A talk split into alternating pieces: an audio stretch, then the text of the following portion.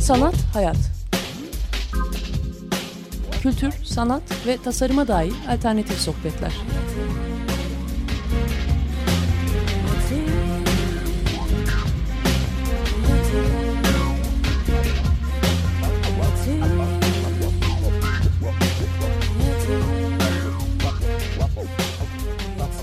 Hazırlayan ve sunan Aslı Kırbaş.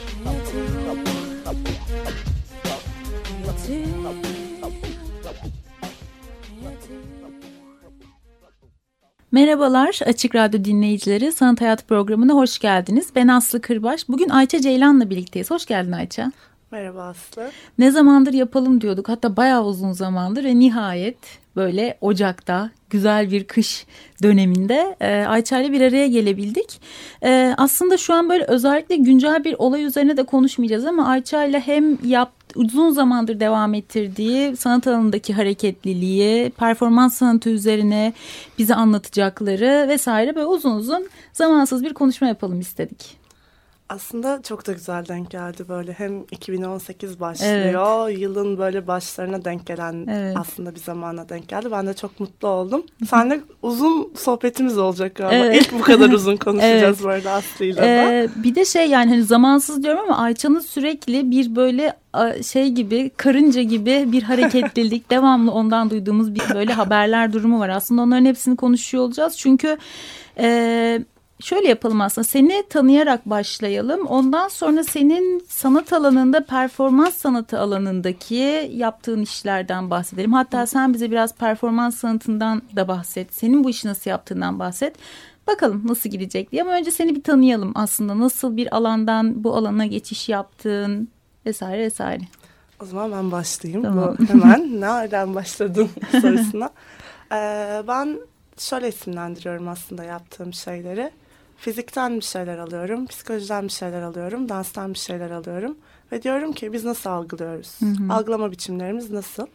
Bunu biraz daha aslında e, küçülttüm son zamanlarda bu kümemi. Ve benlik değiş tokuşlarımıza bakıyorum. Hı hı. Yani e, kaç tane bir benlik mekanizmamız var ya da personalarımız nasıl çalışır? E, bunlar kamusal alanda nasıldır? Bir müzeye gittiğimizde nasıldır? İş yerinde nasıldır? Anne babamızda nasıldır? Gibi dertlerim var. Hı hı. Hep şu soru geliyor bana. Neden bu fizik, psikoloji ve dans?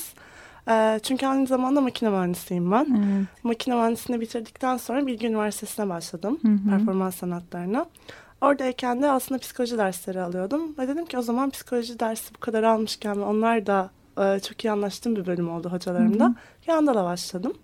Aslında bunların hepsi benim bir taraftan da akademik background'umdan da gelen şeyler. Evet. Bir yandan hatta yani bölüyorum sözünü ama benim seni tanımam da Galata Fotoğrafhanesi'nde bir toplantıda olmuştu. Yani Tabii. senin evet senin çalışmalarınla ilgili neye bakıyor olsam şey dikkatimi çekiyor. Hep başka disiplinlerden besleniyor olman, onlara Hı. açık olman ve yaptığın şeye aslında onlardan bir şeyler katıyor olman. Daha doğrusu yani o beslenmeyi işinde de gösteriyor olman ve aslında bir ifade biçimi olarak da performans Hı. sanatını kullanıyor olman. Aslında o tüm alanlarla ilgili toplamında bir şey gördüğümüzü hissediyorum. En azından bir izleyici olarak yani. Yani çok da güzel ifade ettin aslında bunları şöyle isimlendiriyorum. Yaptığım her şey diyorum birer deney diyorum. Hı hı. Ve bu deneyleri de performans sanatının başlığı altında topluyorum. Ee, tabii ki bu şey değil hani her yaptığın o zaman performans olur mu gibi hı hı. çok fazla soru var. Bu güncel sanatta da çok var evet. ister istemez. Tabii ki kuramda dikkat ettiğim şeyler var performansta. Ee, Galata Fotoğrafhanesi şöyle çünkü fotoğraf çekmeyi çok seviyorum. Hı hı. Ee, birazdan bahsedeceğim ama küçük böyle bir e, tırnak gireyim. Hı hı performans belgesi diye bir şey var. Aslında olabildiğince işlerimin fotoğraflarını da kendim çekmeye çalışıyorum. evet, aslında o sana soracağım şeylerden bir tanesi. Evet performans sanatını konuşuyor olacağız ama bunun nasıl kayıt altına evet, alındığı ile ilgili. dokümantasyonu nasıl evet. oluyor? Yani nasıl arşivlenir ya da arşivlenir mi? Arşivlenmesi gerekiyor mu gibi sorular çok fazla var zaten. Ee, tekrar kendime dönecek olursam dans da şöyle geliyor. Ee, 10 sene kadar bale yaptım ben. 6 yaşından 16 yaşına kadar. E, o benim için çok önemli bir şey hareket edebilmek. Ve burada da mesela şu an sandalyede oturuyorum ama sürekli hareket etmek Hı-hı. istiyorum. Sanırım biraz sıkıntım da var bu Hı-hı. konuda sabitlenme ile ilgili.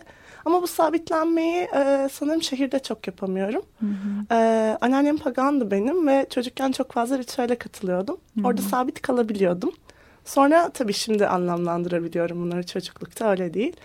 E, demek ki belli koşullar olduğunda bizim bütün davranış biçimlerimiz değişebiliyor. Hmm. Bedenimizin hafızası da değişebiliyor. Bunlar aslında benim böyle hep çalışma alanlarım oldu. Yani Galata Fotoğrafhanesi'nde de çalışabiliyorum. Hmm. Gidip Santral İstanbul'da da çalışıyorum. Ama Patara'ya gidip Antik Kent'te tek başıma da çalışıyorum. Hmm. Aslında biraz sınırları da denemeye çalışıyorum hmm. sürekli olarak.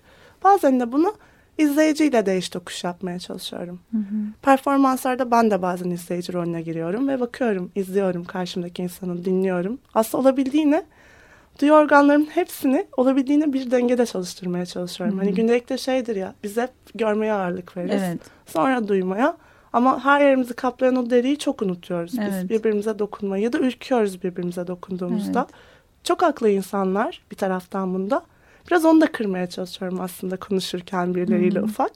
Tabii ki karşı tarafı paramparça etmeden ya da onu rahatsız etmeden. Böyle bir dert var.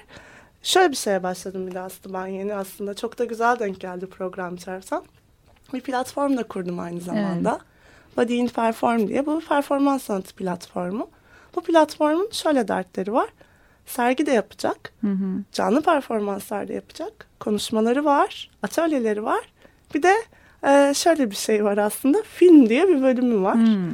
Body in Perform'un da ben böyle bir sesi olsun istiyordum hep. Ben bazı sesleri çok seviyorum. Çok iyi geliyor. Bip kısaltması da.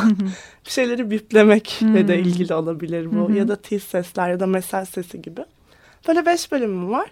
Burada sergi kısmı özellikle performans dokümantasyonu ile ilgili. Hmm. Yani canlı değil aslında performans dokümantasyonu nedir? Hmm. Bir fotoğraftan nasıl ayrılır? Ya da işte bir performans videosu video artta ne derecede benzer ne derecede ayrılık hmm. gibi meseleleri de tartışacak. Şimdi işte 2018 programı başlıyor onun. Hı Bir panelle başlayacağız. Ha, şahane. Studio X'de olacak hı hı. o panel. Ee, şöyle bir derdi var. Onlar devam edecek paneller. Hı hı. Ama e, sadece performans sanatçısı, küratörleri ya da akademisyenler değil. Hı hı. Aslında performansa meraklı olan, izleyicinin de gelebildiği, konuşabildiği, biraz daha açık hı hı. konuşmaya uygun. Hani her şeyin böyle biz şunu istemiyoruz orada. Hani karşımıza otursunlar gibi değil. Hı hı. Oturma planına bile çok dikkat etmeye çalışıyorum. Biraz interaktif hali etkileş, yani etkileşimi sağlamak için. Böyle bir derdi var. Şahane. Sonra devam ediyoruz. Performans geceleri. İşte Mayıs'ta bir film festivalimiz var. Hı-hı. Body filmler, onun için çok heyecanlıyım. Ee, yani şu güzel bir şey aslında ona da hani girecektim ama sen de e, oradan devam ettiğin için aslında bahsedebiliriz. Şimdi bir yandan bir sanatçı olarak evet hani e, belli mekanlarda performans sergiliyorsun. E, belli bazen işte kurumlarla belki ilişkiler kurabiliyorsun gibi gibi ama onun dışında e, senin hep böyle bir platform kurma aslında hani kendi bağımsız alanınızı yaratma ve orası üzerinden e, bir hareketlilik geliştirme, inisiyatifler oluşturma vesaire gibi bir kaygın da var. Evet. E, bir hani bununla ilgili aslında hani bunu yapıyor olman nasıl düşündüğünü de gösteriyor ama bununla ilgili de konuşalım isterim. Ama bir yandan da aslında şunu istiyorum. Yani şey de böyle düşündüm sen hızlıca konuşurken performans sanatı üzerine çok fazla aslında biz de programda konuşmadık. Alper Aydın geçen kış işte bu zamanlarda hemen hemen bir program yapmıştık galiba. Onunla konuşmuştuk. E, ve onun üzerine sanırım işte sen yılda bir kere falan oldu yani mesele. Belki işte biraz böyle bu performans sanatı üzerinden bize bir şeyler söylersin. Türkiye'de nasıl olduğundan ve senin aslında bunu nasıl yaptığından. Yani çünkü hani mesela şimdi şey diyoruz e, birisi resim yapıyor oluyor ama herkesin aslında o ifade biçimi, e, resimle kurduğu ilişki, resimle anlattığı ilişki farklı oluyor. Şimdi biz hani belki hani performans sanatını çoğu kişi aslında yeni yeni anlıyor belki e, karşılaşıyor. Performans sanatı deyince evet bir başlık ve bitti gibi değil. Aslında hepinizin algılama biçimi ve bunu gösterme biçimi farklı ki senin hani çok daha dallı bir şekilde hani her anlamda atölyede düzenliyorsun. Bir sanatçı olarak bunu gerçekleştiriyorsun ama bize şöyle bir kısaca belki bahsedebilirsin performans sanatı ile ilgili bir şeylerden ve Türkiye'de nasıl olduğundan. Aslında çok güzel soru sordun. Son özellikle iki senemin odak noktası. Türkiye'de hı hı. performans sanatı nasıl oluyor? Ve akademik olarak da bir şeyler yapıyorsun bununla ilgili. Yani evet. öyle bir çalışma alanı da aslında çok. Bir işte bildiğim Alper doktorasında çalışıyor. Eğer evet. vazgeçmedi ve hala çalışıyorsa. Ben de en senin son çalışıyor diye biliyordum evet. Alper'i ama bayağı oldu konuşmayalı. Sanırım çalışmaya devam ediyor Galiba, diye evet. düşünüyorum. ee, aslında şuralardan çıktı bende bu. Hani performans alanında işte üretiyorum, atölyeler yapıyorum. Kuram kısmı benim için her zaman çok önemlidir Hı-hı. her şeyin. Tabii ki birebir biz kurama bağlı kalmak zorunda değiliz. Ama insanlar bununla ilgili neler demişler, neler yapmışlar. En azından o tarihsel akışta Evet. biraz bakabilmek. Ee, çünkü hafıza kısmıyla gerçekten çok ilgiliyim. Ve bazen şey belki biraz insanlar bu konuda şey diyorlar tutucu yaklaştığımı söyleyebilirler ama e, bir performans sanatçısına sorduğunuzda performansın kuramı yokturu hemen söyleyiveriyorlar birkaç kişi ve bu o kadar da değil. Hani bunun bölümleri var, çalışan kişiler var. Biraz bunlara bakıp belki daha sonra üzerine vardır yoktur tartışmasına girmek. Yani çok kesin cümleler kurmamak çok iyi Evet. bu konuda. Ben şöyle ilgilenmeye başladım. Bilgi Üniversitesi'ne girmeden önce de aslında biraz araştırıyordum performans kuramını. Ama e, orada performans analizi dersi alıyorduk biz iki dönem. Benim için en faydalı olan derslerden birisi olmuştur. Sen sahne sanatları okudun değil mi orada? Evet hala devam. Tezimi yazıyorum ben Ha, de. Şimdi şahane. birazdan bahsedeceğim tezden de. Ee, o ders sırasında ve aldığım diğer derslerde de ve kendi aslında böyle hep merak ettiğim bir şeydi bu. Çok fazla şey öğrendim. Ee, bir atölye çalışması düzenliyorum ben aslında. Bu atölye çalışması nasıl bir şey bu performans sanatı diye bir soru soruyor. evet, yani sorusu da oymuş aslında. Sorusu da aynen bu soru. Çünkü o kadar çok karşılaştım ki işte kolunu oynatmak mı yerde, yuvarlanmak mı, üzerine bir şeyler dikmek mi, boyalar sürmek mi? İnsanlar soruyorlar ve merak ediyorlar haklı olarak. Çünkü çok fazla rastlamaya da başladılar. Hem performans sanatına hem de performans sanatçısına hem de platformlara. Ee, ama baktığımızda pek konuşulmuyor aslında bu konu. Birkaç şey yapılıyor ister istemez. Ben de böyle bir atölye yapayım dedim. İlk gün şundan bahsediyorum.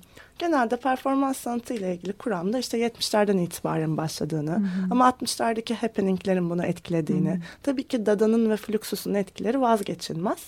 Bunlar çok önemli. Bunlara ulaşabiliriz. Çok fazla kaynakça var. Belki bilmiyorum şimdi dinleyenlerden ilgilenenler olursa aslında Introduction to Performance Art diye bir kitap var. Ne yazık ki Türkçe'ye çevirmediler. Ama kitabı çeşitli kütüphanelerde bulabilirler. Salt'ın kütüphanesinde de mevcut. Giriş niteliğinde bir kitaptır. Çok güzel açıklar performans sanatını. Şunlardan bahseder aslında. Bir mekan gereklidir bize. Bir beden lazımdır. Tabii ki zamandan kopamayız. Şimdi beden, mekan ve zamana baktığımızda zaten bu bir var olma Evet. üçgeni. Ama buna çeşitli şeyler ekliyoruz bu üçgene. Bazı noktaları daha belirginleştiriyoruz. Ne mesela? İzleyici. Peki izleyenle izlenen ilişkisi ne derecede mevcut? Ya da bir tiyatroya bakalım. Başından sonuna planlanmış ya da bir dans gösterisine. Peki performans böyle olabilir mi? Genel çok genel cevap veriyorum şu anda. Hayır. Mutlaka boşlukları olmalı ki oraya gelen izleyici, katılımcı ne diye tanımlıyorsanız kendine yer bulabilsin ve böylelikle diğer dallardan ayrılsın. Yani kısacası biz başından sonuna tabii ki bir schedule yani bir structure'ını çıkarabiliriz ama tamamen planlayamayız. Yani hani parın 8. dakikada %30 düşeceğine kadar söyleyemeyiz bunda. Bu sahne sanatları başka bir şey. Performing arts. Evet. Performance art başka bir şey. Boşlukları var. İzleyici orada kendine yer bulabiliyor. Sanatçı yeri geldiğinde performer rolünden çıkabiliyor. Ve hep beraber aslında bir mesele var ortada. Neyi Aslında seçtiyse bu. bir alan da yaratıyor. Yani şey gibi hani bir sanat eserinin evet dediğin gibi bir structure'ı var, bir mesajı var. Ne için yapıldığı ile ilgili sanatçının ortaya koyduğu bir şey var ama bir yerde o artık izleyiciyle buluştuğu zaman da izleyicinin de onu yorumladığı bir nokta var. Belki o sanatçının da çok hesap etmediği bir şey izleyici o ilişkiyi oradan kuruyor ve o anlamı veriyor olabilir. Aslında bu söylediğin şey biraz ona da meydan tanıyor. Yani izleyici o boşlukta aslında kendisi kendisiyle ilgili de bir şeyler tanımlıyor olabilir. Oradaki performansla ilgili de bir şeyler tanımlıyor olabilir. Aslında bazen şöyle oluyor. Siz bir performans planlıyorsunuz, yapmaya başlıyorsunuz. 10. dakikada bir bebek geliyor performansınızın ortasına. Ve sizin belki de yarattığınız boşluk tamamen değişmeye başlıyor. Performans da değişmeye başlıyor. Sürekli olarak şöyle bir şey, e, çok klişe bir laf ama anda olmak dedikleri şey tam olarak o. Gelen her mi? şeyi kabul etmeye başlıyorsunuz. Ve O her- rastlantılara açık olma durumu da aslında biraz da yani. O çok güzel bir duygu. Ee, Ayrıca kişiyi de biraz sarsıyor bazen. Biz hayatta şeyiz ya bir şeyleri kontrol etmeye Evet. falan çalışırız. Bazen kontrol ettikçe mahvolmaya başlarız. Evet. O biraz orada şunu görüyorum insanlarda. Ne kadar gergin şeylerini ifade etseler de ya bir de öyle bir derdim var. Çıktıklarında biraz gülebilmelerini istiyorum. Çünkü bu da bir dert aslında. Çok fazla şey oluyor. Genelde kötü şeyler oluyor çok fazla ve yoruldu insanlar. Pek performanslarda onu tercih etmiyorum ben. İyice travmayı artıracak şeyleri. Evet. Olabildiğine sağaltmak gibi bir derdim var. Bunlar böyle çok güzel birleştiler. Aslında performans sanatında birleştiler. Biraz da bu dalda üretmemin nedeni de bu. Bunu seçmem ya da işte ne yapıyorsun dediklerinde evet iş olarak performans sanatçısıyım deme nedenim de o. Hani fotoğrafçı da olabilirdim belki. Hı hı. Ama buranın o boşluklu yapısı bana çok iyi geldi ve iletişim kısmı. Hı hı. Aslında şöyle gün boyu bunu üretiyor gibisin. Evet yani... ve sergilediğin an aslında o sergilediğin kişilerden dönüt alıyorsun. Bakışlarından, Hı-hı. tepkilerinden, Anında. evet hareketlerinden. Çıkabilirler, girebilirler. Bu nasıl bir his peki? Yani hem zor olmalı hem keyifli olmalı. Böyle yüzün ekşimesi ya da o an böyle o gözündeki ışıltı yani her çünkü insanlar tepkisini gizleyemeyen bir şey. Ders dinlerken bile mesela ben kendimi düşünüyorum. Bir şeye şaşırabiliyorum. Kaşlarım kalkıyor, iniyor, ağzımı açıyorum. Yani evet. Direkt orada tepkiyi belli ediyor olmalılar diye düşünüyorum. Nasıl oluyor sende bunun etkisi? Ben şey çok seviyorum aslında. Bunu günlük yaşamımda da çok fazla tercih ediyorum. Yani mümkünse böyle olsak daha iyi olacak birbirimize. Hmm. Çok fazla yıkıp dökmeden Hani tamamen parçalamadan evet. aslında ifade edelim. Sıkıldıysak sıkıldık birisinden. Hı hı. Ya da bizi eğlendiriyorsa ne kadar güzel. Ya da bizim iyi hissetmemizi sağlıyorsa bunu birilerine söyleyebiliriz. Ama bu kadar kolay olmuyor bunlar kelimelerle. Hı hı. Ama performansta şöyle bir güzelliği var. Kelimelere gerek yok zaten. Çünkü kelimeleri hı hı. çok fazla kullanmıyorum ben işlerimde. Ama bedeniyle görüyorsunuz. Yüzünde hiçbir şey yapmasa bile küçük parmağının nasıl kasıldığını görebiliyorsunuz hmm. birinin. Ya da bazen gerçekten yavaş yavaş çocuklukla ilgili bir iş yapıyorum diyelim. Çocukluğuna dönüyorlar. Hı hı. Çocuklar var, yetişkinler var ama yetişkinler çocukluğa dönüyorlar ve kendi kendilerine bir şey yazmak istiyorlar bir yere. Hı hı. Ya da kendi kendilerine dans etmeye başlıyorlar. Ama ben bunlardan onu talep etmiyorum. Hı hı. Ama yapmamalarını da talep etmiyorum. Aslında bir yerden sonra hep beraber neye dönüşeceğine bakıyoruz. Biraz da ritüeller gibi aslında. Hı hı. Ee, aslında benim bayağı referans noktam, çıkış noktam. Ritüelin de bir zamanı vardır. Oraya gelen evet. bedenler bellidir. Bir meselesi vardır. Bir yapısı da vardır. Ama bir yerden sonra artık hisler neyse ona dönüşmeye başlar evet. o şey. Ve çıkınca bir miktar ne olursa olsun herkes azıcık iyileşmiş hisseder. Hı hı. O gündelikten çıktığı bir zamanı vardır, bir molası vardır. Bana da öyle geliyor. Yani bir performansta mesela ağlamıştım ben. Hı hı. Ve bu ağlama bir planlı eylem değildi. İşte ben bunun 20. dakikası ağlayacağım gibi bir şeyim yoktu. Hı hı. Çünkü her bir ben diye bir performanstı ve ilk yaptığım performansımdı o böyle kalabalığa benim. Hmm. Art Nouveau'da yapmıştım. Çok acayipti böyle e, ağlamaya başlamıştım. Çünkü mevzu şuydu. Misafirlik ilişkileri, bir salondaki misafirlik ilişkileri. Ve yavaş yavaş biz kaybettiğimiz şeyler üzerine hareket etmeye başlamıştık mekanda. Ee, ve öyle bir duygu geldi ki benim için. Kaybettiğim çok önemli bir şey hissettim o an orada. Hmm. Ama şu oldu. Etrafındaki kişiler de bunu hissettiği için sen tek başına kalmış hissetmiyorsun. Hmm. Bence bu çok kıymetli bir şey benim için. Aslında yalnız bırakılmışlık hissin azalmaya başlıyor. Ya da değerli hissetmeye başlıyorsun. Yani çok açık söyleyeyim. Tabii ki değersiz hissettiğim yanlarım var. Yalnız hissettiğim şeyler hmm. var. Aslında benim için yeniden yeniden kurulan böyle bir arkadaş ya da aile ortamı oluyor o an. Hı hı. Bu çok kıymetli. Hissi bu. İyi ya da kötü tepkiler hiç önemli değil aslında. Yani şey etkileyici e, mesela his dediğimiz şeyi göremiyoruz yani his ya hani çok daha Hı. soyut bir şey ama beden de bir o kadar somut bir şey yani Hı. böyle gördüğün dokunduğun bayağı üç boyutlu bir şeyden bahsediyoruz ama o işte az önce mesela sen anlatırken ben böyle bir hani derin nefes alma ihtiyacı duydum.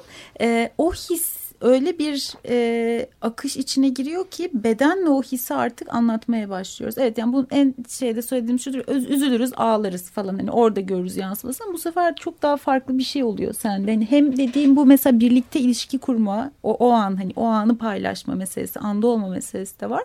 Bir de bir yandan bu hisleri o bedenle karşı tarafa da aktarıyor olma durumu var. Bir bedenini çok iyi tanıyor olduğunu düşünüyorum. Yani bu aslında hani ki hafıza üzerine çalışıyorsun. Böyle anlattığında bana mesela bir psikanaliz seansını bile hatırlattı yani açıkçası aslında.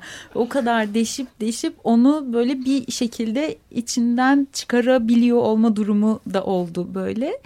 Ee, bir hani bu durum var. Bedenin bunu yani gösterebiliyor olması. Bir de bana masaj yapan bir arkadaşım şeyi anlatmıştı. Ee, bir kas dem şimdi yanlış anlatmak istemiyorum ama böyle şöyle bir şeydi. Bir kas demeti var kasıklarda. Oraya orası sizin acılarınızı tuttuğunuz bir kas demeti. Hatta işte üzüldüğünüzde muhtemelen kasıldığınızda oradaki o kasıklardaki kas demeti kasılıyor ve biz masaj yaparken Oraya masaj yaptığımız zaman ağlayan kişi çok oluyor. Çünkü o acıyı tetikliyoruz tekrar ve oradaki hafızayı uyandırıyoruz. Aslında bir yandan da o beden dediğimiz şey bayağı hafızayı tutan da bir şey. Tabii ki şöyle bir şey çok güzel bir yere girdin aslında. Ee, psikolojide ilgilendiğim şey şimdi yavaş yavaş açmaya başladık Hı-hı. aslında. Dans ve hareket terapisi benim Hı-hı. daha çok. Ve şuna bakıyorum. Kelimelerin mümkün olduğu kadar azaltılıp hatta aradan çıktığında bedendeki travma nerelerde mevcut Hı. olabilir? Evet. Ya da bedeninize bir neşeyi de depo edebilirsiniz. Öyle bir güzel çocukluk anınız vardır ki diyorum insanlara. Bu belki kolundadır. Çünkü Hı-hı. kolunu anneannenin doğum gününde tutmuştur ve sen hiçbir zaman o şefkati unutmamışsındır. Evet. Ve oraya kapatmışızdır. Ama aynı şekilde üzüntülerimizi de. Hı-hı. Özellikle bazı bölgeler var.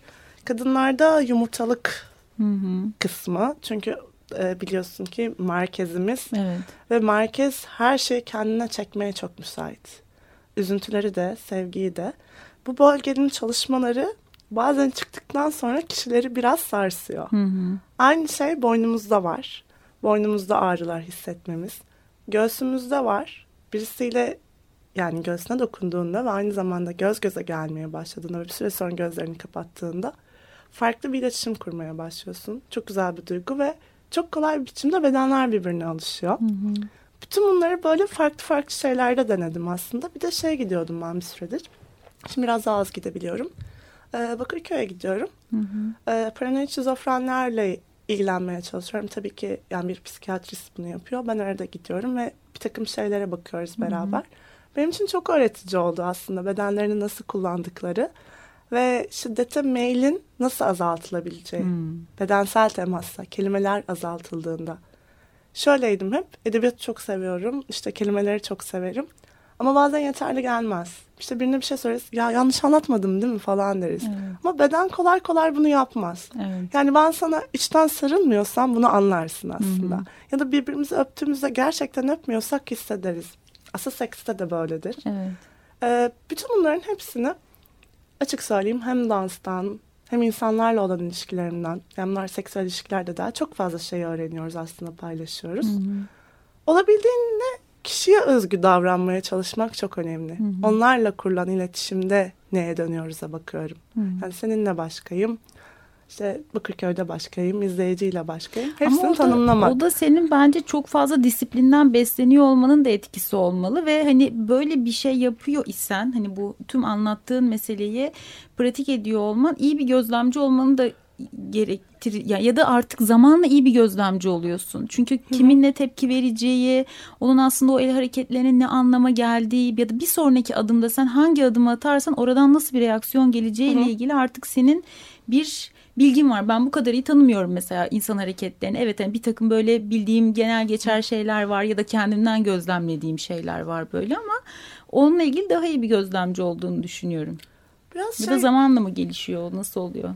Bence zamanla gelişen bir şey yani hani birçoğumuz bunu deneyimleyebiliriz. Hı-hı. Çünkü aslında bedenimiz üzerinden var oluyoruz. Hani bu birkaç kişi de var birilerinde yok gibi bir şey değil. Ya ben öyle şeylere pek inanmam. Ben yeteneğe de inanmam aslında. ya öyle çünkü söyleyeyim. şeyden soruyorum. Aslında mesela şu ana kadar çok hani kişinin kendi e, nasıl diyeyim tepkileri üzerinden ve çok içgüdüsel olan şeylerle ilgili Hı-hı. konuşuyoruz. Ama bir de toplumsal olarak baktığımız zaman aslında özellikle bizim toplumumuzda beden konusunda çok e, daha kısıtlıyız. Yani bedenimizle Tabii. bir şey yapmak. Mesela hepim yani benim çok büyük travmamdı. Lisede çok isteyerek bir tiyatro grubuna girmek istedim. Çok da ünlüydü bizim lisenin tiyatro grubu. İlk gün sahne için bize şey dediler. Sahneye çıkın. O günü hiç unutamıyorum. Mesela şu an bile göğsüme büyük bir yumruk oturdu. O kadar gerilmiştim ki ya yani o gerginliği hiç unutamıyorum ki onun üzerine hani evet yendim, sahneye çıktım, oynadım, konuştum. İşte şu an konuşuyorum ama o an yaşadığım o gerginliği hiçbir zaman unutamıyorum. Hı hı. Ve hani böyle o sahneye çıkmak, bedenini göstermek, bedeniyle bir şey yapmak ya da Orada böyle olmak. Ha evet mesela kadın olarak düşünüyorum işte ergenlik dönemimizde göğüslerimiz büyümeye başladığında onları omuzlarımıza saklamaya çalışmak aslında bedenimizi bedenimizle kapatmaya çalışmak. Hep bedenle ilgili bir durum var aslında toplumsal olarak da gizlemek ya da işte eli kolu hep bir yerlere sokuşturmak ve hani konuşurken böyle çok sallanmasın oynamasın diye bir yandan da böyle bir e, tutukluğumuz var aslında. Şey konusunda çok haklısın. Aslında kendi bedenimizi tekrar bedenin böyle battaniyesi gibi Evet. kullanıyor insanlar. Ya da kumaşlarla sarmayı bedeniyle de yapıyorlar. Evet. Kadınlarda çok ayrı tabii ki bir beden kodlaması var. İster istemez bazı durumlardan dolayı. Ee, göğüs kısmı birçok kadında bakıyorum ben. Omuzlar öne geliyor ve kapalı. Aslında bu şunun da sorunu yaratıyor. Hem yani sadece bir psikolojik etkisi yok. Omurgada bozukluklar, nefes alma Evet. sorunları ve aslında biraz depresyona meyilli de yapıyor bizi. Aynı zamanda işte özgüvenimizle ilgili sıkıntılar yaratıyor. Çünkü biz sürekli olarak kapatmak zorundayız. Kendimizi korumak zorundayız. Açamıyoruz. Oysa ki üst bedenin nefes alabilmesi çok kıymetlidir. Göğsümüzü açıp durabilmek. Ona bir sürü verinin gelmesi. Erkeklerde de aynı şey var. Ee, ama sadece şey yani Türkiye'de çok tabii ki rastlayabiliyoruz bunu ama birçok yere mesela seyahat ettiğimde onu fark ettim.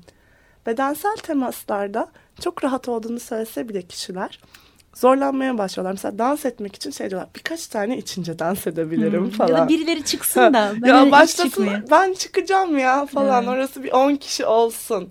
Çünkü dönersek o senin sahne durumuna bağlarsak oraya çıktığında tek olman, bedeninle olman aynı zamanda senin her şey açık olduğunu da gösteriyor. Orada sana her şeyi söyleyebilirler. Evet. Ya şunu bir de ay baksana ya ne kadar da kötü vücudu varmış falan. Bunlara takılıyor olsam mesela çok yani Çok yapıyorlar evet. bu arada ve bakma içten içe çoğu kişi takılabiliyor. Çünkü bunlar da önemli. Genel estetik umurumuzda değil desek de o kadar da değil. Çünkü hep beraber yaşıyoruz. Evet. Bir de o estetik de hani tırnak içinde o hani takıldığımız estetik kim kimin belirlediği o şahane Evet. vücut estetik falan. Onlar zaten şeye baktığında bu bedenin işte e, güzel estetiğine baktığında e, şey e, özellikle ben 16 ile 19. yüzyıl Fransa tarihini çok fazla çalışıyorum bir nedenlerden dolayı da anlatırım bir ara. E, diğer dönemlerde baktığında o sürekli değişen bir şey. Çeşitli kalıplarla değişiyor. Yani o zamanın kilosuyla bu zamanınki aynı değil. Beyaz ten hayır daha işte bronz ten. Evet. Hayır sıfır hayır ya artık öyle olmasın. Sürekli bizi değişen bir şeyin içinde beğenilme durumuna sokuyorlar. Ya da işte spor salonuna gitmek. Ya bazen şey bile artık komik gelmeye başlıyor. İşte spor salonu fotoğrafı var. Sağlıklı besleniyoruz diye sürekli kür paylaşıyorlar. Sırf o topluluğun parçası olmak için yapmamalı insan. Mesela ben bunu çok hep önemserim. İlk önce kendimiz için yapmalıyız her şeyi. Yani ben kendim için güzel kahvaltı hazırlamalıyım önce. Evet. Sadece gelen misafire değil. Ya bu bedenimi de doyuruyor Hı, olmalı, evet. ruhumu Hı. da doyuruyor Her olmalı. şekilde Evet. bedenime yani emotional durumuma da iyi gelmeli, o spiritime de iyi gelmeli. Birçok farklı bedenlerime iyi gelmeli yaptığım şeyler. Ama bunlar da şöyle oluyor bence. O kadar zor bir şey değil. Denemek lazım. Farklı ilgi alanlarını denemek lazım. Farklı yerlere gitmek lazım. Tanımadığımız birileriyle bazen belki de çok kırgın bir durumumuzu paylaşabiliriz. Bunlar da aslında bize çok iyi gelen şeyler. Yani mesela performanslar öyle. Ben hiç tanımıyorum çoğu gelen kişiyi. Ama orada benim 15 senedir beni tanıyan birisinin bilmediği bir şey öğrenebiliyor. Aslında bütün dengeleri de değiştiren bir şey. Ee, biz nerelerden buralara geldik? Evet. Konuyu toplarsak. Aslında performans sanatı üzerinden çıktık ama yani hani Aslında bu çok güzel. evet. Benim yaklaşımımı sormuştun sen. Ben aslında biraz buralardan bakıyorum ve evet psikoterapi süreci demiştin. Evet aslında işlerin her biri birer psikoterapi süreci. Bazen bunların zamanlamalarına dikkat ediyorum. Ee, işte 45 artı 45 iki part gibi neye dönüşüyor insanlar diye. İşte Bomontia'da da onu yapmıştım. 90 dakikalık iki terapi seansı gibi düşünebiliriz ama bir futbol maçı gibi de aynı zamanda Evet. 90 dakika. Ve çok ilginçti benim için. Avluda 90 dakika boyunca neler yapılabildiğini göstermişti bana. Şimdi aslında şeyi paylaşmak istiyordum ben bugün buraya geldiğimde. Bir şey için çok mutlu hissettim bu bedenin kapalı olması, işte bedeni tekrar bedeni battaniye gibi örtmek dedim ya. Bunlara çok düşündüm ben son zamanlarda. Tahran'a gidiyorum ben de. Hmm. Çağdaş Sanatlar Müzesi'ne performansa gidiyorum. Aa, çok güzel. Benim için çok şaşırtıcı. Çünkü davet etmeleri de şaşırtıcıydı açıkçası. Şey dedim hatta ya biraz ön yargılı mıydım acaba dedim ama içlerime bakıyorum. Yani şundan söylüyorum. Belli bir e, kıyafet kodundan dolayı bunu söylüyorum. Yani benim işlerimde Hı hı. hani kumaşlara sığarmıyorum kendimi. Evet. Olabildiğini az e, yani bana çok ağırlık yapmayacak şeyler kullanmaya Hı hı. çalışıyorum. Çünkü dansı da bolca kullanıyorum ya da farklı yüzeylerdeki o sınır kıyafet benim için zor bir şey taşıması. Böyle bir heyecanlıyım. Bu battaniye kavramlarını çok düşünüyorum kumaşları şimdi Tahran'la ilgili. E, Şubat'ta gidiyorum bir de. Aa çok güzel hiçbir şey kalmamış. Çok heyecanlı. Ya evet bir de Şubat ba- başka bir şeye daha yol açtı aslında. Hmm, yine kumaşlarla ilgili bir şey yapıyorum. Ee, aslında onu buradan söylemem çok iyi olacak. Reflect diye bir e, ne diyelim giyilebilir ürünler tasarlayan bir firma var. Hı hı. Ee, şöyle bir hassasiyetleri var. Bunlar tekstil sektöründeki ağır çalışma koşullarından çok rahatsız olmuşlar. Hmm. Ee, üç kişi kurmuş bu aslında firmayı. Ve yüzde yüz organik ürünler üretiyorlar. Çalışma koşullarını gözetiyorlar. Mutlaka atölyede çalışan herkesin sigortası olmalı. Çalışma saatlerinin aralığı belli olmalı. Molaları olmalı. Ee, ve yani kişisel ilişki bazında da çok güzel ilişkiler kuruyorlar çalışanlarla beraber.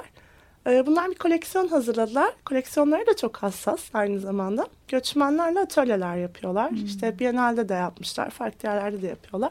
13 parçalık bir seri çıkarmışlar. Hı hı. You Made It diye. Hı hı. Ama şöyle bir dert var yine. Evet insanlar bir yerden bir yerlere giderler. Gitmek zorunda da bırakılırlar. Ama artık bunu ağlamayı bırakalım ve onların güçlü olanlarına da bakalım. Yani yerini değiştirdiğinde burada 16 yaşında bir çocuk neler yapabiliyor ona Evet. da bakalım gibi bir dertten hep beraber çalışarak 13 parçalık bir koleksiyon hazırlamışlar. Ve bunu şöyle bir şeye karar vermişler. Bunu bedeniyle uğraşan ve bu alanda bir şey üreten birisiyle bir açılış ya da lansman yapalım demişler. Bu Monteado'da yapacağız. Hatta vaktin Aa. varsa gel sen de. Şahane. Şubat'ta böyle bir koleksiyon hazırlıyoruz. Ee, ya hazırlandı. Ben performans kısmını hazırlıyorum. Böyle Şubat'ım şey oldu. Bedeni örtmek, bedeni kapamak. Neye yol açar aslında giydiklerimiz, kıyafetlerimizin sınırı. Hafızamızı giyiyoruz aslında biz üstümüze. Evet. Biraz onunla ilgili. Böyle şey dedim herhalde bu 2018 biraz böyle bir tekrar hafızamdaki bir takım şeyleri yeniden yerleştirme Evet. yolunu olacak gibi geldi. Ya bir de hani şey bu sanatla anlatma biçimi de kendi içinde çok şeylerde barındıran bir durum. İşte hani senin dediğin gibi yani hani o düşünmediğin kıyafetlilik yani kıyafet çok e, gündeminde olmayan bir şeyken şimdi kıyafetle de bir şey yapıyor olma hatta onu anlatıyor olma durumu da var. Bir şarkı arası verelim sonrasında devam edelim. Biz kaptırdık programın yarısını geçtik neredeyse. Evet. E, sonrasında devam ediyoruz.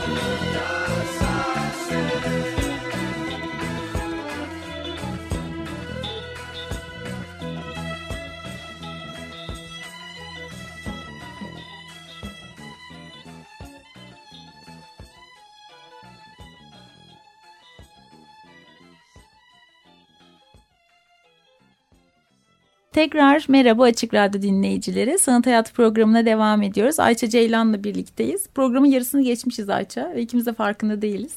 Ee, Umar... konuşmayı da sevdik. Ee, umarım e, dinleyiciler de keyif alıyorlardır ve hani çok meraklanıyor da insan aslında. Hani ne kadar performans üzerine konuşuyor olsak da o performansı anlatmanın da bir çekiciliği varmış. Ee, kendi adıma yani söylüyorum. Şimdi aslında konuşurken birkaç mekandan bahsettik. Hani Bomontia'da da yaptığın e, performanslar var ve yapacak oldukların. işte Tahran'a gidiyorsun. Art Nouveau'da yaptıkların var. Şimdi biz burada hangi sergiyi konuşursak konuşalım şunu diyoruz. Hani atölyende yaptığında işini gördüğün anla onu işte galeride o duvara astığında gördüğün an arasında fark var mı? Yani mekan senin işini nasıl değiştiriyor meselesi. Aslında bunu da sana sormak istiyorum. Yani çünkü mekanla ilgili de kafa yoran birisin. Ee, birkaç şeyden de biliyorum, performansından da biliyorum. Ee, mesela mekan nasıl etkili oluyor? Bir performans iki farklı mekanda e, tekrar ediyor olduğunda o mekanla ilgili değişiklikler oluyor mu? Aslında bu bahsettiğimiz rastlantısallık meselesinden dolayı hani e, oluyor gibi geliyor insana ama ya da şu oluyor mu? Sana mekan e, geliyor. Mekan belli oluyor öncesinde. O mekana özgü bir performans e, yaratıyor oluyor musun? Yani nasıl ilişkileniyor aslında mekanla? Sokakta olduğunda, bir kapalı alanda olduğunda ya da o bir belleği olan bir mekan ki bunu yapıyorsun. Santralde yaptın. Antik e, Patera'da evet, yaptım. evet. Astorna'nın da çok uzun kendince bir belleği var. Evet, ki, hani ki, evet insan kişi belleğinden bahsediyoruz. Bir de mekanın belleği üzerine de bir şey giriyor bu sefer meseleye. Mesele şöyle bir şey aslında. Hmm, tekrar eden bir performanstan bahsettik ya başka bir yere alıp taşımakla ilgili. Ee, ben bunu yapmadım. Hiçbir işimi alıp başka bir yerden bir yere taşımadım. Ama bu tabii ki yapılabilir. Ama bir yerden bir yere götürürken özellikle performansta kişi mekanı gözetmeli. O mekan nasıl bir alan? Nelere izin verir, nelere izin vermez. Belki de ben izin vermediği şeyler üzerinden mekanı hacklemek isteyebilirim. Aslında biraz uzu, ucu açık şeyler bunlar. Ama mutlaka bence tırnak içinde mekanı gözetmeli. Peki oraya gelecek izleyici gözetmeli mi, gözetmemeli mi? Bence biraz gözetmeli. Çünkü o zaman bu bir turne programına dönebilir. Bir yerden bir yere giden e, bir kumpanyaymış gibi de işlemeye başlayabilir. E, Bunu çok iyi oturtursa sanatçı tabii ki yapabilir. Bir şey demiyorum. Ama o zaman çok karışıyor kavramlar. Yani fiziksel tiyatro baş giriyor işin içine. Çağdaş dans giriyor ve hepsi bir anda performans sanatı oluyor. Bu sıkıntılı. Ben mekana özgü işler yapıyorum aslında. Şöyle oluyor. Bazen mekan öneriyor bana. Diyor ki işte biz bize bir şey yapmanı istiyoruz. Nasıl yaklaşırsın diyor. Bazen ben bir mekanda iş yapmak istiyorum. Ben onlara bunu teklif ediyorum. Şunu yapıyorum. Hangisi üzerinden anlatsam. Mesela Bomontiada'dan bahsedebilirim. Bomontiada'da ben Temmuz'da Dünyanın Eşlikçileri diye bir performans yaptım.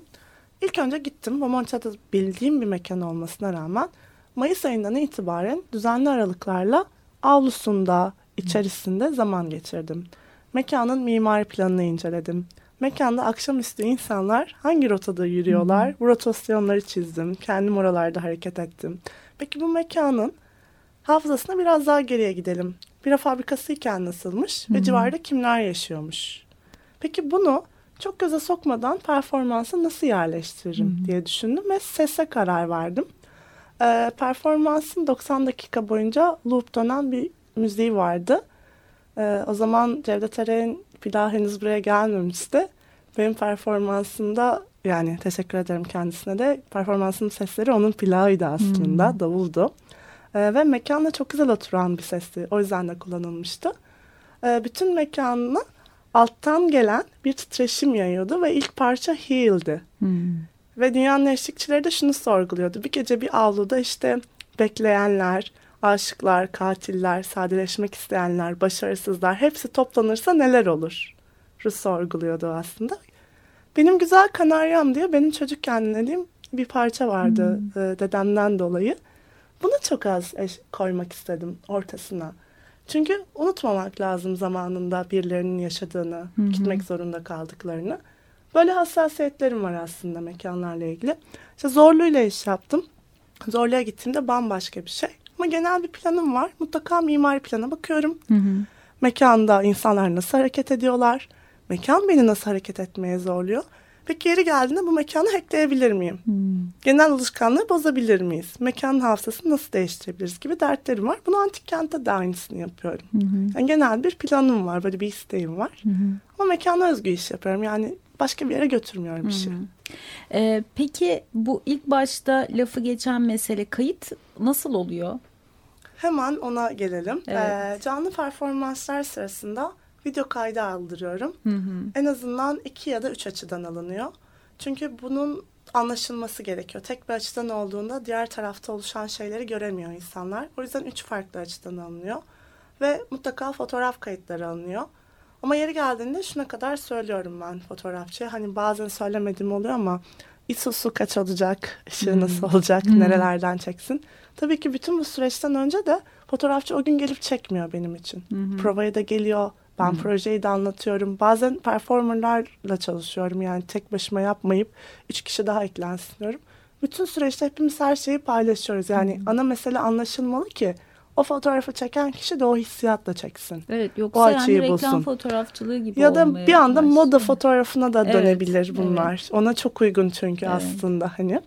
Ee, bu önemli kısım. Bütün bunlar sonucunda da şunu söylüyorum. Mutlaka fotoğrafçının ismi fotoğrafçı olarak yer almalı orada.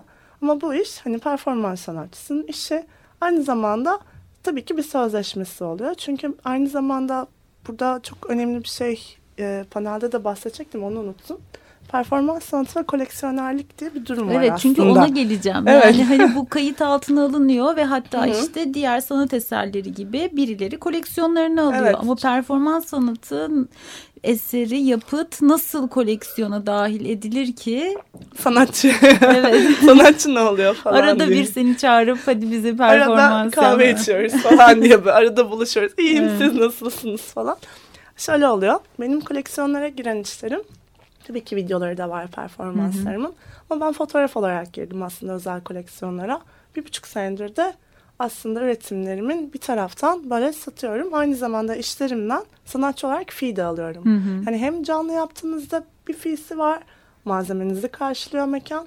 Aynı zamanda bunun performans belgesi olarak e, yani satabilirsiniz de çünkü bir sanat eseri. Evet. Ya bir de sen sanatçısın ve bu senin ifade ve anlatma biçimin olduğu gibi hayatını idame ettirme biçimi Çok de doğru aslında. söyledin. Evet, yani Bazen biz- çok şey konuşuyor insanlar ama Yo, Olur? Ya biz burada 3-4 tane sırf sanatçı hakkı ile ilgili e, program yaptık ve hani bayağıdır yapmıyoruz aslında. Vesile olmuş oldu bizim konuşmayla ve tekrar etsek ne güzel aslında. Yani, Yani hani çok o yüzden iyi olur. evet. Çünkü şey çok önemli. Ee, bütün tabii ki bu kayıt süreci altında bu fotoğrafları çeken kişiler nerede kullanabilirler? Sanatçı bunu koleksiyona satacak ya da bir dergiye bile fotoğraf çekiminde buna dikkat etmeniz gerekiyor. Çünkü baştan yani açık söyleyeyim çok tatlı başlayan şeyler bazen bir takım yanlış anlaşılmalarla sorunlara neden oluyor. Hani kimsenin sorun yaşamaması için bence e, performans sanatçıları için özellikle söylüyorum mutlaka sözleşmeleri olsun.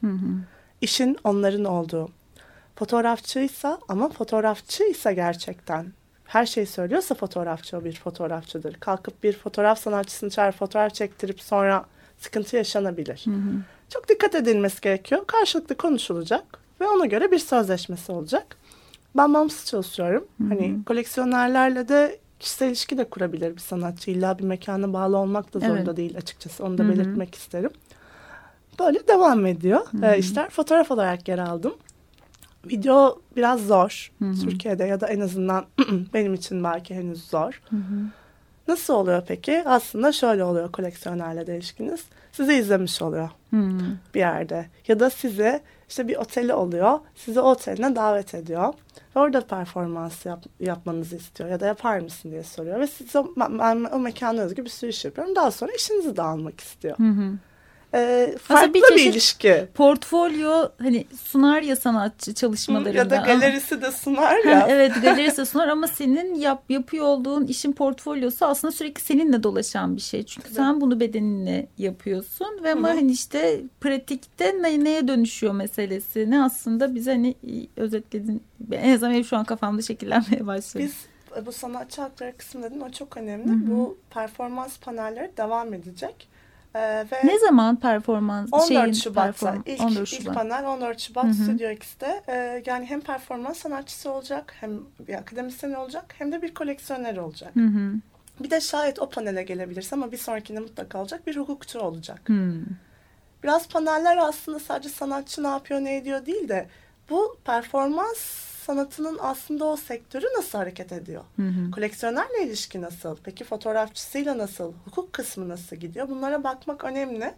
Çünkü çok fazla tekrar böyle yükselmeye başladı. Evet. Bir takım durumlardan dolayı. Dikkat etmek gerekiyor tabii bazı durumlara. Bunları da konuşacağız biz e, Body in Performance etkinliklerinde. Ama bu çok kıymetli bir şey Ayça. Yani hani bir sanatçı olarak sen bu alanda e, aktif olarak üretimde bulunuyorsun ama bunun işte hukukçu iç, işin içine girer, galerici girer, işte koleksiyoner girer meselesiyle ilgili kafa yorup aslında bununla ilgili gündem oluşturmak bu yapılan panelde bu performans sanatına yakınlık duyan, belki kendini böyle ifade edebileceğini düşünen sanatçı için de bence soru işaretlerini giderecek bir şey bu. Hani bir de üzerine çok yazınsal e, bir şey yok. İşte hani başka sanat medyumları gibi aslında şu an henüz yaygın, en azından Türkiye için söylüyorum. Yaygın değilken bu çok kıymetli bir şey aslında. Teşekkür ederiz yani sana. Ya ben de aslında kendi kendime şey dedim. Baştan açık söyleyeyim. Tabii ki bunu yapma nedenim kişisel dertlerimdi. Yani Türkiye'de E mesela... sen de öğreniyor olmalısın Ya yani. Ya da performans- başından geçti. Kim bilir ne sıkıntılar Çok. yaşadın yani. Çok şeyler oluyor ama önemli değil. Onlar çözülür şeyler. Şuna baktım işte koleksiyonerle ilişki nasıl olur? Ee, bir fotoğrafçıyla çalıştığında neler olur? Ya da diğer tarafına bakalım. Performans sanatının tarihi. Ya ben şeyden de biraz hoşlanmıyorum. Yani mesela 70'lerde var yapılanlar. 90'larda çok yoğun yapılanlar var. Şimdi tekrar yapılmaya başlanıyor.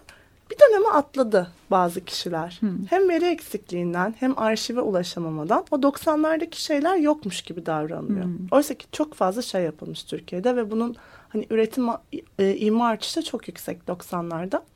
Ben de bu kişisel dertlenme halinden hem kendim arşive tanıdığım sanatçı üzerinden ulaşıyorum falan olmasın. Açık bir arşiv olsun diye tezimde bunu çalışmaya başladım aslında. Aslında bir yandan sanat tarihi için büyük bir veri oluşturma. Yani bırak performans sanatını işte senden bir, bir önceki programda Füreya sergisini konuştuk. Ve hani oradaki konuşmamızın çok büyük bir kısmı aslında sanat tarihi, arşivcilik bunları bir yazın haline getirme ve bunun üzerine akademik çalışmalar yapma meselesini konuştuk. Yani bir de hani e, bu arayışlar ve eksiklikler olan da bir alan var. İşte hani bir takım kitaplar var henüz Türkçe'ye de çevrilmemiş. Ee, belki akademik olarak işte bir Alper'i saydık illaki vardır birileri ama hani çok yaygın değil henüz. Sayısı çoğalmadı en azından. Ben direkt şeye odaklanmak istedim. Tam olarak da şöyle bir şey çalışıyorum. Dedim ki e, madem ben de zorlanıyorum ve mutlaka birileri de zorlanıyor ve zorlanmaya devam edecek. Nasıl bir arşiv yapayım dedim. Kısıtladım çok geniş bir konu olduğu için. 90'lardan günümüze alıyorum. Ve diyorum ki 90'lardan günümüze Türkiye'de performans sanatında kurumsal arşiv problemi diyorum. Neden bir arşiv oluşturulamadı? Neden kurumsallaşamadı? Tabii ki buna baktığında öyle bir şey oldu ki 3 kişiyle konuşuyorum. 8 kişiye daha yolluyor beni. Böyle 40 kişiyle falan röportaj yaptım. Ama zaten Türkiye'de arşiv meselesi de enteresan ya. Salt yani sağ olsun bizi bu konuda aslında çok eğitici ve öğretici oluyor. Evet. Biz evet çok saklayan bir toplumuz ama saklamak arşivcilik değil. Yani arşivcilik başka bir evet şey. kendime saklıyorum. Evet. Fotoğraf çekiyorum. Evet. Şimdi tezde şunu yapacak. Bunları çalışacak ve bir arşiv sergisi yapacak. Bunu 2019'da planlıyorum. Çünkü tez bu sene bitiyor. Ve arşiv sergisi de şunu sorguluyorum. Bir performansın, performans sanatının sergisi nasıl olabilir? İnteraktivite nasıl sağlanabilir? Yani oraya sadece videoyu asmak değil mevzu. Bu başka bir şey. Evet. Aslında biraz performans sanatındaki sergileme biçimleri farklı. Bunlar üzerine de çalışıyorum. Böyle güzel gidiyor aslında. Çünkü bu da Evet. şey e, açık söyleyeyim bu bir sergileme hali değil sadece. Mekan üzerine de çalışmamla ilgili olduğu için performans sanatçısı olarak da bu bana çok aslında yarıyor. Hani bir küratasyon kısmı değil derdim sadece. Böyle devam eden şeyler var. Bakalım yani şey de seviyorum açık söyleyeyim. Bu yapı farklı mekanlarla işbirliği yapacak Body in Perform. Şu an kendi sabit mekanı yok çünkü mekanlara özgü iş yapıyor. Biz açık çağrıyla da alıyoruz işleri. Ama benim davet ettiğim sanatçılar da var. Sadece açık çağrı üzerinden ilerlemiyor. Bir de Ankara sohbeti yapmıştık ya. Evet. Ankara'da bir performans günü var Hmm. Nisan'da. Onun açık çağrısını yapacağım yakında. Teması uzun süre devam edecek bir tema var. Tema belirliyorum ama uçuşlara çok açık. Beni ait olduğum eve götür diye bir temamız var. Böyle bakalım biraz gezeceğiz de aslında. Güzel. Yani aslında şöyle belki şeyi toparlayabiliriz. Bir sanırım 29 Ocak'ta bir atölye var. Ee, şöyle söyleyeyim. Ee, 24'ünde bir performansım var. Endless'ta. Bu arada belki şöyle önce başlayabiliriz. Seni takip etmek isteyenler senin Instagram hesabın üzerinden takip edebilirler. Evet. Ayça alt tire Ceylan. Ceylan. Bir de ayrıca Body in Performance sanırım Hı hı, bir Instagram e, hesabı Instagram var. hesabı var. Sonrasında da şimdi duyuralım. 24 24 Ocak'ta bir performansın var. Evet, Endless'ta bir performansım var. Ee, orada şunu deniyorum aslında küçük ipucu. Bir enselasyonu insanlar yanlarına nasıl götürürler izleyici parça parça. Böyle bir şeyle karşılaşacaklar. Ee, sonra bir atölye yapıyorum. Yine orada. Bu atölye havuzda gerçekleşecek. Bir bellek araştırması. Ee, dört hafta sürüyor. Her haftasına katılmak zorunda açıkçası kişiler. Çünkü bir bütünlüğü var. Ve biraz aqua terapi araştırıyor. Yani biz suyun akışkanlığıyla bu sefer belleğimizi nasıl araştırırız? Ki hani şeyde vardır su meselesi aslında bizim o doğuşumuz, anne karnındaki göndermeler. Biraz öyle ve Evet. havuz da binanın en alt katında aslında biraz e, mahzenine, alanına, mağarana, O tekrar dibe, yuvana derinlere. gitmek gibi böyle bir derdi var. Sonra Şubat'ta defile var. E, sonra çok 14 güzel. Şubat'ta panel vardı. Panel var. Evet. 16'sında performans günü var. Çok yoğun oldu program. Çünkü şey platformu da kurduğum için kendi kişisel işlerimle de çatışmaya başladım. Tahran'a gidiyorum. Ankara var. Mart'ta, Nisan'da bir Ankara'ya gidip geleceğiz. Şahane kış yani Ayça. Ya çok heyecanlı, yolculuklu bir de bol insanlarla tanışmalı, sohbetli. Benim için o çok besleyici aslında. Çünkü çok fazla şey öğreniyorum. Ve şey çok güzel. Gerçekten belli yüksek hissiyatları paylaşmak böyle konuşurken çok güzel oluyor, iyi geliyor. Aslında bayağı böyle yaşama devam etmemi sağlıyor. Küçük ama bir şey söylemek isterim. Bir tane residency'ye başvurdum ben. New York'ta ona gideceğim. Çok heyecanlıyım. Çok heyecanlıyım. Çünkü bayağı açık söyleyeyim. Yani çok istiyordum gitmek. Ve bir iş üretmek istiyordum orada. Beş haftalığına gideceğim Kasım'da. Bir mekan istedim daha belli değil. Çok sürpriz görüşmelerini yapalım ama olursa böyle hayalim olan bir yer. Olursa o zaman şunu yaparız. Sen New York'a git dön. Döndükten sonra ne yaptığını bizle paylaşırsın. Ve tüm bu konuştuğumuz aslında meseleler ve bir yıl içerisinde aslında bu hareketlilik, bu birbirinden öğrenme ve deneyim paylaşma sürecinin aslında ne yaptık? Ya evet yani şu an konuştuğumuz O arşivi emeller- tekrar konuşuruz. Evet. Ve bir de bu arada tüm bunun. bu hareketlilik içerisinde tez yazılıyor. Bravo. Tabii tez, tez az kaldı ama. Tezde iyi. şey kısmı ekleniyor. Kültür politikaları. Oraları İyi, çok güzel. karışık ama. Güzel ama o zaman bayağı ilerlemiş yani tezinde de. Şahane Ayça. Çok keyif aldım. Evet çok ertelemiştik ama bence güzel de zamanda oldu sanki. Tam böyle yeni yılın başında tüm bu yeni hareketliliklerin başında. Güzel zamana denk geldi. Evet. Yeni yılın başında yeni bir yapıya giriştim. Bakalım inşallah hep beraber kalkacağım altından. Biraz zorluyor açıkçası. Ama sağ olsun yani bir gönüllü ilanı vermiştim ben. Ale yapının e, böyle destekçileri de var. E, yani çok açık söylüyorum bu konuda da. Tabii ki sponsor arayışı var bu yapının ve onu bulduğunda ben biraz gönüllüye şey yaklaşırım. En azından belli bir şeyleri alabilmeli gönüllü de hani gibi dertlerim var. Ama şimdilik o bütçe sıkıntısından biraz böyle devam edeceğiz. Bakalım umarım o da iyi olur bizim için. Evet, bebek Öyle. adımlar büyüyecektir diye diliyoruz bu Evet. enerjiyle, bu istekle zaten. Teşekkürler Ayça geldiğin için. Ben teşekkür ederim. Ayrıca çok güzel oldu. U- Küçük, uzun, sohbetli. ben de çok e, keyif aldım. Çok sağ ol. E, Açık Radyo dinleyicileri bir sonraki programda görüşmek üzere. Sanat, hayat. Kültür, sanat ve tasarıma dair alternatif sohbetler.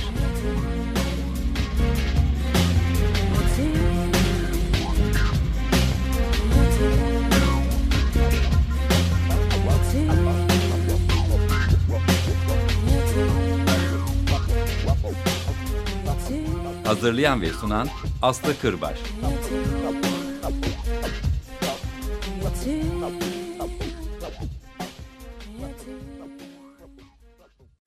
Açık Radyo program destekçisi olun. Bir veya daha fazla programa destek olmak için 212 alan koduyla 343 41 41